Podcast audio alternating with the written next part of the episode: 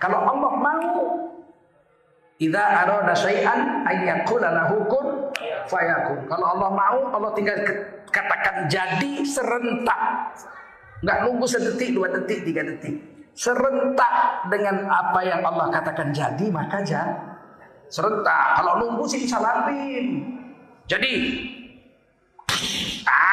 mesti bisa labim. Kalau Allah katakan jadi, serentak dengan kata-kata Allah jadi. Itulah maksud kata fa di situ. Kun fa yakun.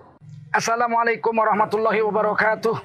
Kaum muslimin muslimat di mana pun anda berada, alhamdulillah kita memuji Allah swt dan bersyukur kepadanya. Saya sekarang sedang berdiri di lokasi pembangunan pesantren putri pesantren Rofiuddin Yayasan Barokah Sumatera Utara. Alhamdulillah kita sudah mulai menggali pondasi untuk membangun gedung bertingkat dua bagi tempat pembelajaran anak-anak putri kita menghafal Al-Quran dan mendalami syariat Islam serta berakhlakul karimah. Wanita adalah tiang negara. Jika baik wanita, baiklah negara. Jika rusak wanita, rusaklah negara. Pesantren ini sebenarnya sudah dua tahun berjalan lebih. Dan wanita, pesantren wanita sudah berjalan tujuh tahun. Tetapi gedungnya masih menyewa. Alhamdulillah sekarang sudah dijual oleh pemiliknya dan kita ambil alih untuk menjadi uh, bangunan milik Yayasan Barokah Sumatera Utara akan dibangun permanen bertingkat dua dalam tempo yang sesingkat-singkatnya agar anak-anak kita tidak terganggu dalam melaksanakan belajar dan mengajar Al-Quran di tempat ini. Salurkan bantuan Anda kepada Yayasan Barokah Sumatera Utara untuk menyelesaikan bangunan ini pada nomor rekening 76262627777 Bank Syariah Mandiri. Saya ulangi Bank Syariah Mandiri nomor rekening 76262627777 atas nama Yayasan Barokah Sumatera Utara. Semoga Allah SWT membalasi dengan sebesar-besar pahala dan mengganti dengan seluas-luas rezeki. Saya Tengku Zulkarnain, Ketua Yayasan Barokah Sumatera Utara mengucapkan terima kasih Wassalamualaikum warahmatullahi wabarakatuh. Ya Allah ya Basir, ya Sami'u ya Alim, Hayyu ya Qayyum bi rahmatika astagfir. Fatwa MUI Jawa Timur yang malam ini berbeda tentang hukum vaksin AstraZeneca. Sebelum kemarin saya sempat lihat berita MUI Jawa Timur mengatakan vaksin AstraZeneca itu hukumnya halalan toyiban. Bapak Presiden menekankan berdasarkan keputusan MUI Jawa Timur dan Kiai-Kiai Sepuh hukumnya kata Ketua MUI Jawa Timur halalan toyiban. Dua hari yang lalu MUI Pusat mengatakan hukum vaksin COVID-19 AstraZeneca hukumnya barangnya haram karena dalam prosesnya dua kali memakai katalisator babi. Dalam fatwa MUI sejak 30 tahun yang lalu kita sudah putuskan saya 23 tahun di MUI dan 10 tahun jadi wakil sekjen. Kita putuskan bahwa kalau menyentuh babi dalam prosesnya meskipun hasil akhir tidak ada lagi babinya tetap haram hukumnya.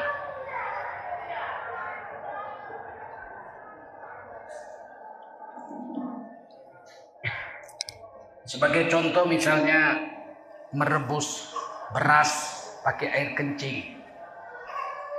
Kalau udah jadi nasi kan air kencingnya nggak ada lagi udah menguap, tetap aja najis, haram. Ah, hari ini saya baru tulis ini, terpaksa harus tulis segera. Kalau menurut MUI Pusat hukumnya boleh, bendanya najis karena menyentuh babi, tapi boleh karena darurat. Kalau boleh dikerjakan tidak berdosa, ditinggalkan tidak berpahala. Namanya mubah. Tapi MUI Jawa Timur dan Kiai Kiai Sepuh memutuskan hukumnya halalan toyiban. Kalau halalan toyiban dikerjakan berpahala. Ditinggalkan tidak berdosa kalau sunat. Kalau wajib dikerjakan berpahala, ditinggalkan berdosa. Kan berbeda ini fatwanya. Tidak pernah terjadi fatwa MUI pusat dengan fatwa MUI daerah. Itu berbeda baru tahun ini. Baru gara-gara AstraZeneca ini. Bukan tugas saya menjawabnya kenapa. Apakah karena ngejar waktu ini vaksin sudah mau daluarsa? Kita tidak tahu. Makanya saya tulis besok pagi saya mau lihat apa jawaban.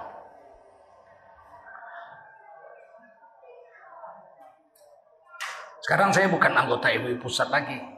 Saya kembali ke ormas saya Matlaul Anwar sebagai wakil ketua majelis fatwa di Matlaul Anwar. Jadi saya berhak bicara tentang fatwa. Nah, ini aja sebelum saya mulai makanya saya tadi menulis nggak enak pasti dilihat oleh tuan-tuan. Tapi saya merasa wajib saya segera jawab malam ini. Jangan sampai umat bingung dan terjerumus dalam perdebatan atau bahkan dalam perpecahan. Kita mulai ngaji malam ini. Assalamualaikum warahmatullahi wabarakatuh. Hamdan wa syukran lillah wa salatan wa salaman ala rasulillah wa ala alihi wa sahbihi wa mawalah. Allahumma salli wa sallim ala hadha nabiyil karim سيدنا وحبيبنا ومولانا محمد وعلى آله وصحبه أجمعين. أما بعد قال الله تعالى في كتابه الكريم أعوذ بالله من الشيطان الرجيم. بسم الله الرحمن الرحيم. سبحان الذي أسرى بعبده ليلا من المسجد الحرام. ليلا من المسجد الحرام إلى المسجد الأقصى الذي باركنا حوله. الذي باركنا حوله لنريه من آياتنا. إنه هو السميع البصير. Qala Rasulullah sallallahu alaihi wasallam man kharaja fi talabil ilmi fahuwa fi sabilillah hatta yarji. Baginda Rasul bersabda, siapa keluar untuk mendapatkan ilmu, orang itu adalah orang yang berjihad fi sabilillah sampai dia kembali ke tempatnya. Mudah-mudahan kita semua mendapatkan pahala jihad dari Allah Subhanahu wa taala. Amin. Sadaqallahul azim wa sadaqa rasulun النبي الكريم ونحن على ذلك من الشاهدين والشاكرين والحمد لله رب العالمين Para ulama, tuan-tuan guru yang dimuliakan Allah SWT Khususnya adinda kami Bapak Kiai Ibrahim Pimpinan Panti Asuhan dan Pesantren Al-Asasiyah bagian siapi-api yang dimuliakan Allah SWT para tuan-tuan guru, para khalifah yang berhadir malam ini yang dimuliakan Allah SWT para umarok Bapak Camat, Bapak Lurah Bapak dan Ramil dan jajarannya Bapak Kapolsek dan jajarannya Komandan Oh, Kemenak hadir, Masya Allah. Sudah dua kali hari ini hadir Bahagia sekali saya bersama dengan tokoh-tokoh kita. Mudah-mudahan semua yang membantu acara ini terkhusus Polsek, bagian siapi-api dan dan Ramil serta jajaran bagian siapi-api diberi pahala yang besar oleh Allah SWT.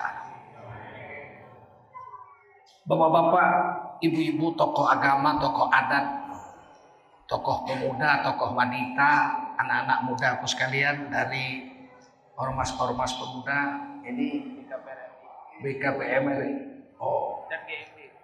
Dan GMB ya. Gerakan Melayu Bersatu dan remaja masjid. Masya Allah. Gerakan Muslim Bersatu. Bahagia sekali wajiblah kita bersyukur pada Allah SWT. Salawat dan salam kita sampaikan untuk baginda Rasulullah Sallallahu Alaihi Wasallam. Malam hari ini kita memperingati dua acara satu Isra dan Mi'raj peringatan, yang satu lagi menyambut Ramadan. Saya coba padat-padatkanlah apa yang bisa saya sampaikan pada malam hari ini.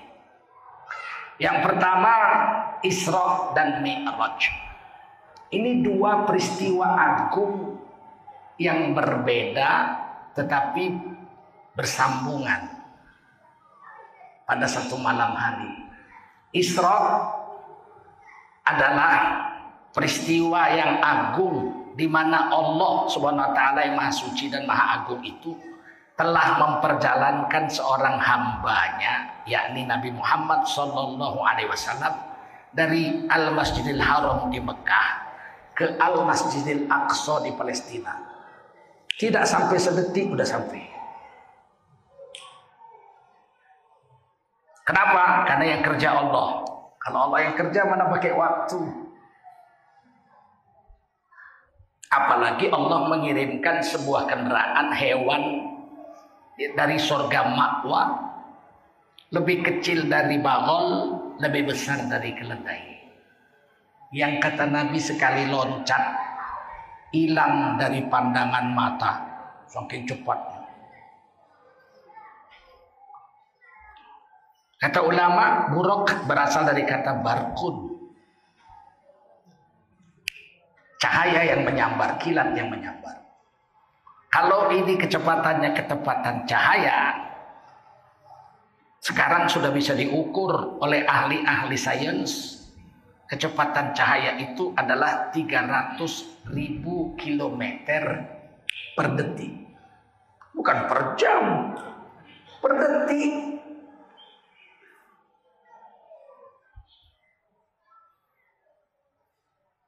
Sekali loncat hilang. Manusia sekarang baru bisa membuat pesawat tempur siluman buatan Amerika yang tercanggih. Itu baru kecepatannya dua kali kecepatan suara. 800 meter per detik. Itu udah gak bisa ditembak. Peluru nggak sempat ngejar.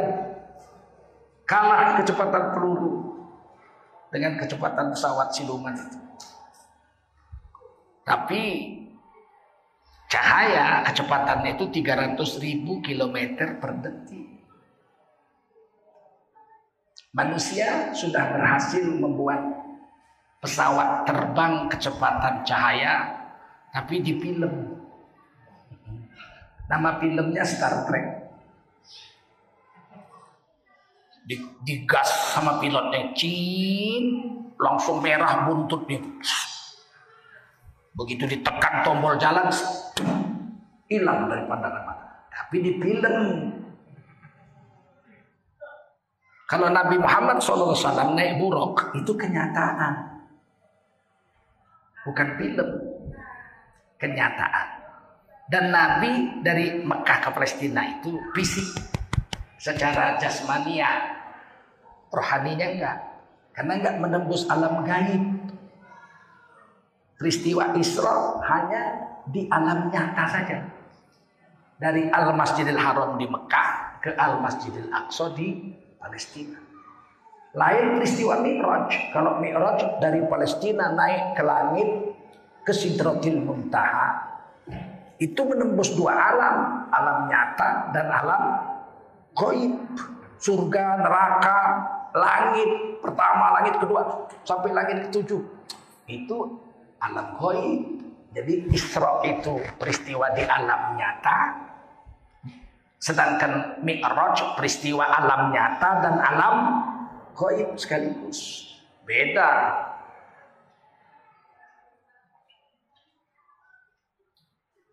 Kalau Nabi jalan sendiri waktu itu bisa. Sudah pernah dibuat dua kali. Ketika usia 8 tahun Nabi dibawa paman beliau Abu Talib dagang dari Mekah ke Syam. Syam itu empat negara sekarang. Jordania, Libanon, Suriah, Palestina. Empat negara ini dulu disebut Syam. Jadi kalau Nabi dari Mekah ke Palestina, dulunya udah pernah sekali umur 8 tahun naik onta. 18 hari, 18 malam baru sampai. Umur 25, Nabi dagang lagi sendiri bawa rombongan ketuanya Nabi ketua kabilahnya Nabi. Nabi bawa barang-barang ibunda Khadijah. Berangkat naik onta sampai juga Nabi ke sana. Tapi perlu waktu 18 hari 18 malam. Itu yang paling cepat waktu itu.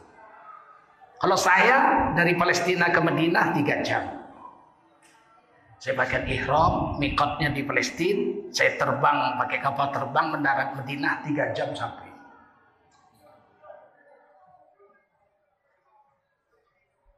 Nabi kalau naik onta 18 hari 18 malam. Tapi malam itu Nabi tidak naik onta dan bukan Nabi yang mau. Yang mau adalah Allah. Kalau Allah mau Idza arada syai'an ayyakula lahu kun fayakun. Kalau Allah mau, Allah tinggal katakan jadi serentak. Enggak nunggu sedetik, dua detik, tiga detik. Serentak dengan apa yang Allah katakan jadi, maka jadi. Serentak. Kalau nunggu sih bisa labin. Jadi ah masih bisa labin. Kalau Allah katakan jadi serentak dengan kata-kata Allah jadi. Itulah maksud kata fa di situ. Kun fa yakun. Kata sambung fa dalam bahasa Arab atau fa itu artinya kemudian tapi nggak pakai waktu. Contoh Kaifa takfuruna billahi wa kuntum amwata Kenapakah kamu mengkafiri Allah padahal sebelumnya kamu dalam keadaan mati? Fa'ahyakum serentak dengan dipasangkan nyawa ke jasadmu kamu hidup. Kemudiannya jadi kemudian ketika ditiupkan roh serentak dengan ditiupkan roh kamu hidup. Jadi nggak nunggu sedetik dua detik tiga detik. Kalau Allah memakai waktu dalam kejadian sesuatu biasanya Allah pakai kata summa. Artinya kemudian juga dalam bahasa Indonesia-nya. Fa kemudian, summa kemudian. Tapi kalau fa kemudian nggak pakai waktu. Kalau summa kemudian pakai waktu lama. Ayat tadi surah Al-Baqarah. Kenapakah kamu mengkafiri Allah padahal kamu dalam keadaan mati? Fa'ahyakum serentak dengan ditiupkan roh ke jasadmu kamu langsung hidup. Summa yumitukum lama setelah kamu hidup Kemudian kamu mati adik 10 tahun. Nabi 63 tahun. Nabi Adam 1050 tahun. Nabi Nuh 950 tahun. Nabi Ibrahim 200 tahun. Summa yumitukum. Kemudian kamu mati. Lama. Summa yuhyikum. Lama ketika kamu dalam kubur mati. Nanti ditiup sangkakala. Kamu hidup lagi kemudian. Tapi lama. Summa ilaihi turja'un. Kemudian lama di padang mahsyar itu baru kamu dikembalikan kepada Allah. Hasil timbangan amal lebih banyak baik, orang beriman masuk surga. Hasil timbangan amal lebih banyak jahatnya, walau beriman harus masuk neraka lebih dulu, walau tidak kekal.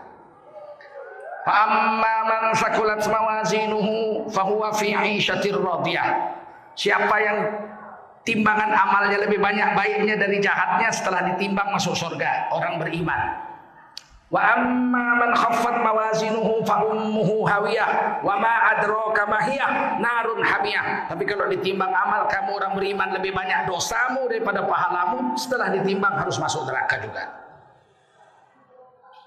Paham? Ya Allah ya Basir Ya Sami'u ya Alim Ya Hayyu ya Qayyum Birahmatika astaghith